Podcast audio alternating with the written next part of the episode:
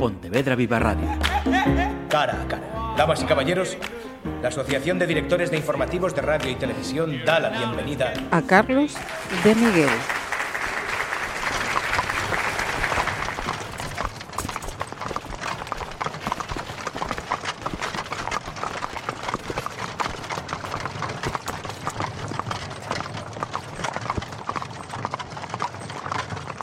Tracia, Idus de octubre, 272 después de Cristo. Elena cerró los ojos una vez más intentando conciliar el sueño. No era fácil mantener el equilibrio en aquel viejo rucio, pero ya estaba acostumbrada. Desde pequeña solía recorrer, montada en él, la vía que va de Drépano a Nicomedia con su padre y algunos esclavos. En aquel tiempo era un borrico alegre y de pelo suave, fuerte y decidido. Ahora, casi 20 años después, Aquel viejo compañero la llevaba en el que sería su último viaje. Huesudo y medio ciego, rendía así el animal su último servicio a la muchacha. El niño que llevaba en su interior se movía como un pez nervioso y asustaba a la joven Elena, que solo podía mirar resignada a su alrededor. A lo lejos, la primera luna de otoño. En Bitinia, como en todos los rincones del mundo, los campesinos guardaban ya sus cosechas antes del invierno y se lanzaban a los montes en busca de las últimas piezas bajo esa luna grande y generosa. Ahora, sin embargo, eran los soldados los que parecían aprovecharse de esa gran luna rojiza, anaranjada casi, que les permitía alargar un poco más la jornada antes de montar campamento. La marcha era lenta, pero transcurría sin pausa. Los clavos de las suelas resonaban machacones rítmicos sobre las anchas lajas de la vía militaris esa gran arteria que unía el Bósforo con la vieja Singidunum, en la raya del Danubio, el Gran Limes. El ruido era ensordecedor. A las fuertes pisadas de los soldados se unían los cascos de los caballos, las voces de los mandos, el crepitar de las ruedas, el mugir de las bestias de carga y el aullido de los perros. Era como una ciudad en movimiento. Varias legiones, quién sabía cuántas, que Elena nunca se molestó en contar. Miles de soldados, de a pie y de a caballo, a los que seguía toda la impedimenta formada por otro ejército de pesados y chirriantes carros, cientos de ellos portando los equipos de asedio, la artillería, el mobiliario y materiales de construcción, así como mulas y bueyes, comerciantes, prostitutas, augures y sacerdotes. Por último, marchaban las familias de los soldados, esa otra tropa invisible de mujeres y niños. Todos caminaban convenientemente protegidos, a salvo de ataques inesperados, ya bárbaros, ya bandidos o ambas cosas, por una nutrida escolta de jinetes. Una gran serpiente, en definitiva, de varias millas de largo, variopinta y crujiente, en su lento caminar de este a oeste, del Bósforo al Danubio. Ella nunca había estado interesada en temas militares. Los ejércitos iban y venían, eso siempre lo supo, pero no eran otra cosa que clientes, gentes itinerantes con la bolsa llena y la garganta seca, fanfarrones inclinados a la algarabía y al bullicio, eran también generosos y no reparaban en gastos. Gracias a ellos, sus padres pudieron prosperar allá en Drépano. Un mesón, que era una hospedería, una mansio de dos pisos con caballerizas, su propio molino para moler trigo, ganado, un gran huerto plagado de hortalizas y algunas viñas, amén de una casa para los sirvientes, cobertizo para los aperos, hornos, moldes para fabricar los quesos y un lagar. Todo ello junto a la calzada que venía desde Nicomedia y que, hacia el sur, llegaba a Éfeso y a las ciudades del Egeo, y hacia oriente hasta Tarso, Antioquía y Edesa. Elena pensó en todas esas ciudades. Había visitado algunas y eran urbes bulliciosas en donde se mezclaban y se hablaban mil lenguas, mil dialectos en las puertas de las murallas, en las calles y plazas de los mercados o en las antesalas de los templos. Cerrando los ojos parecía oír aún hoy los gritos de los comerciantes cantando los precios y describiendo los productos, el traqueteo de los carros, los empujones de los esclavos que portaban las literas de sus amos, la mezcla de olores, mirra, clavo, incienso y canela, aunque lo que más recordaba era el sol, el omnipresente astro rey que, en Oriente, parecía brillar con más fuerza. Qué diferente, sin embargo, le parecía todo lo que veía ahora a su alrededor. Moesia y Tracia eran frías, los campos eran verdes y frescos, pero las aldeas eran pequeñas y las ciudades parecían más campamentos militares que otra cosa. Por sus frescos valles, cruzando ríos caudalosos y espesos bosques, la vía militaris conducía a la comitiva, mera comparsa de las legiones, a través de las brumas de Occidente. Casi noche cerrada. El viento del norte movía apenas los primeros copos de la temporada, nieve ligera que se arremolinaba danzante antes de rozar el suelo. Las voces de los mandos, a lo lejos, bramaban en un latín tosco, áspero, que era el latín de los soldados. La comitiva detuvo el paso. Gémina, la joven sierva que había caminado todo el trayecto a su lado, miró preocupada a Elena. Tenéis mala cara, Domina. Ay, hija, ayúdame a bajar. ¿Cómo lo siento hoy? La sierva miró a su ama, preocupada, y le ayudó a descender del rucio. Gemina rondaba los 16 años y era menuda, aunque de cuerpo flexible y de espíritu animoso, por lo que aguantaba el trabajo duro y las caminatas que fuera necesario sin imbutarse. Y más que lo sentiréis, señora, es la ley de esta vida. Imaginaos a mi madre que tuvo a dos de golpe. ¿Y dónde está tu hermana? Murió al nacer, señora. Y según pronunciaba estas palabras, enmudeció de repente, como si hablando de estos temas fatídicos estuviera tentando al lado y atrayendo la mala fortuna para el niño todavía no nacido de su señora. Así que añadió, ahora que me fijo en vuestro vientre, lo tenéis poco abultado, aún, aunque muy alto, casi bajo los pechos, lo cual indica primero que será varón y segundo que goza de buena salud. Así lo quiera la gran madre, Gemina. Elena alzó la cabeza mientras miraba al cielo plomizo. Seguía nevando. No deberíamos haber viajado en estas fechas. Es casi invierno. Y más en estas tierras, señora, que cuando no es invierno está lloviendo. Así está todo de florido, que en mi vida he visto yo tanto bosque junto. A ver si mañana llegamos a esa ciudad como quiera que se llame. Filipópolis. Una gran ciudad, según dicen. Allí no nos ha de faltar de nada. Cuando cayó la oscuridad, Elena y Gemina se abrigaron bien con las mantas que traían. No había tienda para ellas, ni siquiera una lona para cubrirse de la intemperie. Así que, de esta manera, al raso, pasaron la noche junto al fuego del campamento. Frente a ellas, otros tantos rostros de viajeros, otras mujeres, otros niños abrazados a sus madres, formando todos un gran círculo alrededor de la hoguera. Al día siguiente entrarían en Filipópolis, la gran ciudad de Tracia, en donde permanecerían los días que el emperador y su gran ejército estimaran oportuno antes de proseguir ruta hacia Occidente. Tras Filipópolis llegarían a Sérdica y por fin a Naissus, en Dardania, en donde Flavio Constancio había hecho uso de sus contactos e influencias, ya que era natural de aquellas tierras, a fin de conseguir un alojamiento en el que Helena pudiera alumbrar al niño que ambos esperaban y que habría de venir hacia febrero, sin sufrir los sobresaltos e incomodidades propios de los viajes. Y así, con este pensamiento, se quedó dormida.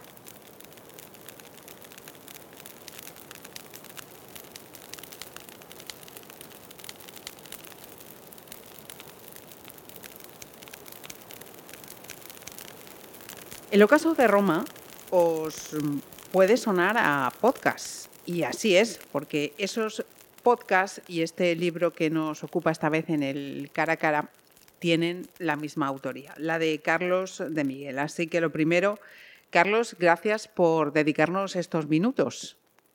Nada, gracias a vosotros por invitarme y encantado de estar aquí. Mira, es ya a estas alturas frecuente eh, usar libros para dar forma a podcasts, pero, mm, ¿cómo te planteaste tú? ¿Cómo surgió esto de hacer lo contrario, llevar los podcasts al, libro?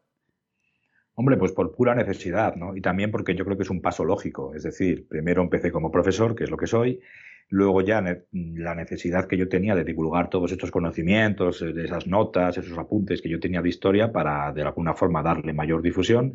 Y luego ya un tercer paso es hacer una novela, es decir, llevar esto, eh, este gran teatro, digamos, económico, político y social que yo describo en el podcast, pues insertar en él unos personajes ficticios, o algunos son reales, pero con vidas más o menos ficticias, y hacer que vivan, amen, mueran y, bueno, pues se relacionen en este, en este pequeño mundo. Entonces sí.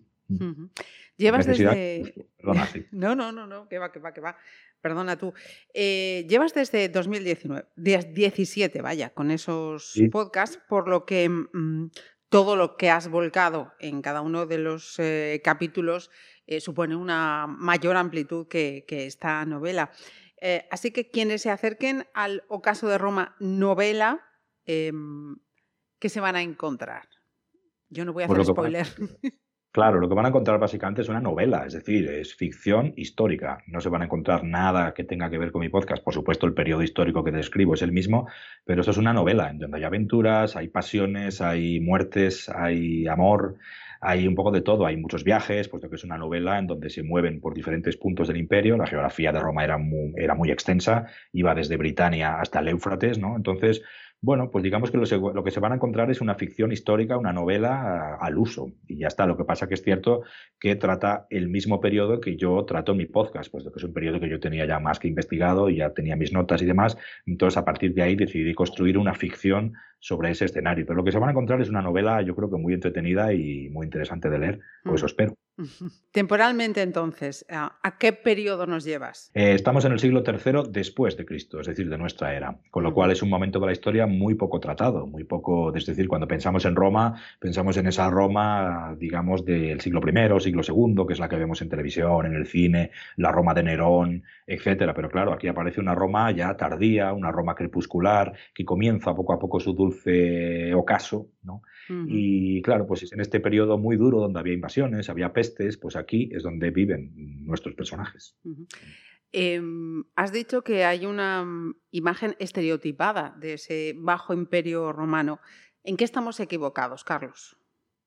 Bueno, el Bajo Imperio Romano la gente piensa que es un periodo de decadencia, de caos y de muerte y destrucción, básicamente, frente a ese alto imperio o a esa Roma republicana de tiempos de Julio César, que parece ser que todo era un cúmulo de virtudes, y no es así realmente en la época de la República o del Alto Imperio había asesinatos, había complots, había corrupción igual y había invasiones, bueno, invasiones bárbaras. Las guerras estaban en las fronteras, pero era un momento también muy difícil para Roma.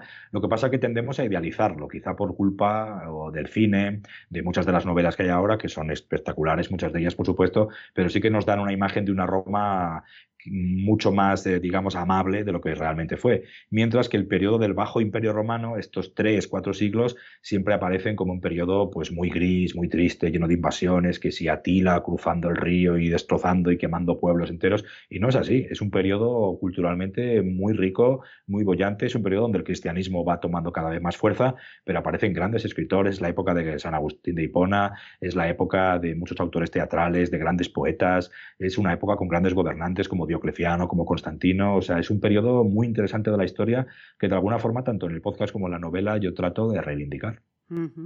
¿Y, por qué cine o literatura nos han ofrecido esos eh, relatos tan poco fieles a la historia? En literatura, en, eh, eh, cuando hablan de Roma, del Alto Imperio.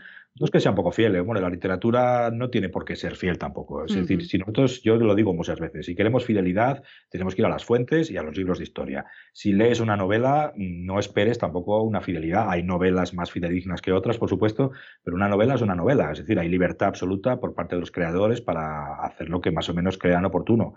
Em, pero bueno, sí, normalmente es cierto que a pesar de esto, los autores normalmente tienden a presentar una Roma de mármol, una Roma gloriosa, una Roma donde todo funcionaba y no era así. Roma realmente, incluso en los periodos, digamos, de mayor esplendor de Roma, no era recomendable vivir en Roma, en la propia ciudad. Es decir, era una ciudad peligrosa, era una ciudad sucia, era una ciudad gris y demás. O sea que no. Hmm. Se tiende, bueno, a idealizar el pasado, ya sabes. Hmm. Eh, ¿Y mm, dónde eh, busca esas fuentes un profesor de historia, un licenciado en historia de, forma tan, tan minuciosa, porque mm, igual es desconocimiento, pero con tanto, tanto, tanto detalle mm, estarás entre los top de los expertos en esta época histórica. No, para eso están los investigadores universitarios, eso sí que son los top. Lo que pasa que yo, más, más que una labor de, de, análisis de las fuentes, que realmente es lo que hago, lo que yo hago es divulgar ese conocimiento que yo más o menos tengo, entonces mi labor es más bien de divulgador. Es el historiador, el, que trabaja en las universidades, el que ya va a los archivos, el que lee directamente el latín y el que toma sus propias notas. ¿no? Yo simplemente tomo todas esas, esas fuentes que hay, las leo, las sistematizo, digámoslo así, las resumo, tomo mis notas y luego hago una labor de divulgación. Entonces sí, es básicamente lo que yo hago y luego, bueno, esas fuentes me han servido para el podcast. Pero ¿cómo lo hago? Bueno, pues leyendo, leyendo los clásicos eh, y sobre todo ordenándolas, porque están muy desordenadas. Entonces yo lo que hago es hacerlo y de manera presentable para el gran público, para que luego la gente que oiga un podcast mientras está conduciendo al trabajo, pues pueda enterarse, oye, de quién era Diocleciano, quién era Constantino. Yo lo que hago es dárselo un poco masticado porque si no para ellos es duro. Y sobre todo, ya digo, de un periodo que casi no tratan las fuentes, eh, al menos los libros. Ajá. Eh, acabas de mencionarlo, Constantino. Em, ¿Quién fue para Carlos de Miguel Constantino? ¿Cómo nos lo presentas para aquellos que todavía no se hayan adentrado en la novela? Bueno, Constantino, aquí lo que vemos es la infancia de este futuro emperador, ¿no? Y Constantino, claro, tuvo una relevancia histórica y política innegable. De hecho, Roma, de alguna forma, se salvó de toda esta crisis que venía arrastrando, gracias, es cierto, a unos emperadores previos que hubo, Diocleciano y otros tantos, pero Constantino fue el último de estos grandes emperadores que de alguna forma da un volantazo a la historia de Roma y ya definitivamente instaura un régimen nuevo. Es la nueva Roma que nace, es una Roma muy distinta, es una Roma ya cristiana, es una Roma más autoritaria pero Constantino es el gran artífice de esto. Constantino es muy inteligente y a la vez es un gobernante que tiene una infancia muy difícil, que yo describo en este momento. Y yo creo que gran parte de las claves que podemos nosotros eh, saber o conocer para por qué Constantino hizo lo que hizo y fue como fue, quizá las claves las podamos encontrar en su infancia. Entonces yo he recreado esta infancia de la cual no hay ninguna fuente. O sea, todo lo que hago sobre Constantino y su vida eh, cuando era niño es todo ficción. Es curioso, ¿no? esos, esos vacíos históricos. Claro, sí, Constantino nació en la pobreza, no interesaba. no interesaba a nadie Constantino en esa época. Solo cuando ya empezó a ser emperador es cuando ya las fuentes se hacen eco, pero mientras tanto nada, era uno más. Has mencionado también ese auge del cristianismo y pasando estas páginas de repente em, yo me acordé con una referencia a un personaje que en su momento tuvo sus minutos, no sé si de gloria o no, o no gloria, en, en televisión cuando habló del milenarismo va a llegar. Digo, mira tú, ¿dónde está? Claro, claro. sí, eh, no, no, recuerdo cómo se llamaba. Sí, sí, pero sí es cierto, sí, la verdad es que fue bastante, bastante sonado. Y el mineralismo sí se refiere precisamente a eso, al fin del milenio y al fin de, los tiempos, ¿no? Has hablado también de corrupción, de complot, pasan los siglos y hay cosas que no cambian, ¿eh, Carlos? No, hay cosas que no cambian porque son eternas a nosotros, al ser humano. Es decir, da igual que estemos en el siglo III antes de Cristo o en el 2023. La ambición, eh, los imperios siguen existiendo, existían y existen y existirán, y todos suben y todos bajan, hay momentos de esplendor y momentos de decadencia también. Entonces, la verdad es que nada ha cambiado, lo único que ahora somos exactamente los mismos que antes, lo que pasa es que ahora tenemos más tecnología que antes no tenían, y ahora tenemos, pues bueno, mejores armas, armas nucleares incluso, ahí no las tenían, menos mal, pero, vamos, que si las tuvieran, a lo mejor las hubieran utilizado. Pero vamos, la guerra civil era, era constante en el mundo antiguo, eh, y demás. El ejército era una institución muy reputada, eh, entonces, bueno, pues era no muy diferente ahora. Y la corrupción, las luchas por el poder, las intrigas, todo eso existía ya, existe y existirá. Es un eh, libro ilustrado con, con, mapas del Imperio Romano de este tiempo al que nos llevas. Eh, también con códigos QR que, enlazan a, tus podcasts. Mm, por ahí mm. podríamos decir pues, que es una novela del siglo XXI, ¿no? aprovechando todas esas eh, posibilidades que nos, que nos permiten las nuevas tecnologías. También con un glosario de términos y yo ahí invito a que mientras vayáis leyendo y vayáis mirando a ver si os perdéis, que también luego los vayáis viendo uno por uno, porque mm, para mí también muestra lo que es esa riqueza que tenemos y, que desconocemos. ¿no? Yo invitaría a muchos chavales que ahora están estudiando a que vean, que sepan y entenderán muchas palabras que igual ahora desconocen y no saben de dónde vienen. Y mira tú, dónde, dónde están, ¿no? Claro, claro. Es una novela que, oye, eh, lógicamente, aunque quieras hacerla lo más masticable, bueno, lo más presentable posible, pues es una novela con términos latinos y demás. Entonces, bueno, pues este glosario creo que es muy útil para que podamos aprender todos un poco juntos Luego también hay un índice de personajes, ¿no? Y luego los códigos QR. Digamos que todo ello forma pues, un conjunto de anexos que yo pienso que son necesarios para comprender y sumergirte y disfrutar un poco más de la novela. Y por supuesto los mapas, que no solo son bonitos, creo yo, sino que son necesarios, puesto que en esta novela hay muchos viajes, hay muchos traslados de un lado a otro del imperio, se describen las diferentes ciudades de provincias en el mundo oriental de Roma. Entonces, creo que esos mapas son muy interesantes de consultar mientras lees la novela. Ya digo, yo creo que lo que es el libro, lo que tú dices, es un libro muy del siglo XXI ya, con sus códigos, QR, etcétera, y que no solo podemos disfrutar de la literatura, sino quizá también aprender un poco de historia. Sin duda, sin duda alguna. Em, yo me temo que aquí hay una intención de darle continuidad. Sí, eh, yo creo que sí. Pero eso ya depende de si funciona y depende de los lectores, ¿eh? no depende de mí. Yo podía decir, pues voy a hacer la segunda parte, hombre, si yo fuera un autor que tiene ya un bagaje de novelas anteriores, pues sin ninguna duda, pero es cierto que estoy un poco pendiente de, si gusta y de si funciona. Por cierto, que mm, antes de abrir micros eh, me hablabas de, de, la Feria del Libro de Madrid. ¿Cómo es eso de debutar en la feria madrileña? Pues no lo sé, porque no he estado nunca. Yo es que soy muy de provincias, yo soy como Constantino. Yo vivo, yo en Roma paso poco por aquí, Roma. Entonces, no he estado en la Feria del Libro de Madrid nunca, eh, la de Valladolid sí, que es mi ciudad. Y bueno, mi feria del libro pues es mi feria local y conozco a la gente y soy feliz y estoy contento. Aquí, no sé, yo veo el retiro, me parece muy grande. Yo es que soy muy, muy provinciano, que vamos a hacer? Pero bueno, mañana iré y, bueno, pues eh, a disfrutar todo lo que puedo, lo que pueda, que seguro que es fascinante, porque seguro que voy a conocer a un montón de autores, de lectores y bueno, pues seguramente podré comprar algunos libros también. Yo creo que va a ser estupendo. Pues recomendamos el Ocaso de Roma, formato novela, y el Ocaso de Roma, formato podcast, por supuesto. Carlos, muchísimas gracias por este tiempo. Nada, gracias a ti por llamarme y nada, pues un fuerte abrazo. Pontevedra Viva Radio. ¿Me permiten que les haga un comentario como espectadores del programa Cara a Cara? Según un reciente sondeo de mercado, ustedes disponen de estudios e inteligencias superiores a la media. Sus intereses abarcan desde la actualidad mundial y la ciencia hasta el deporte y los espectáculos.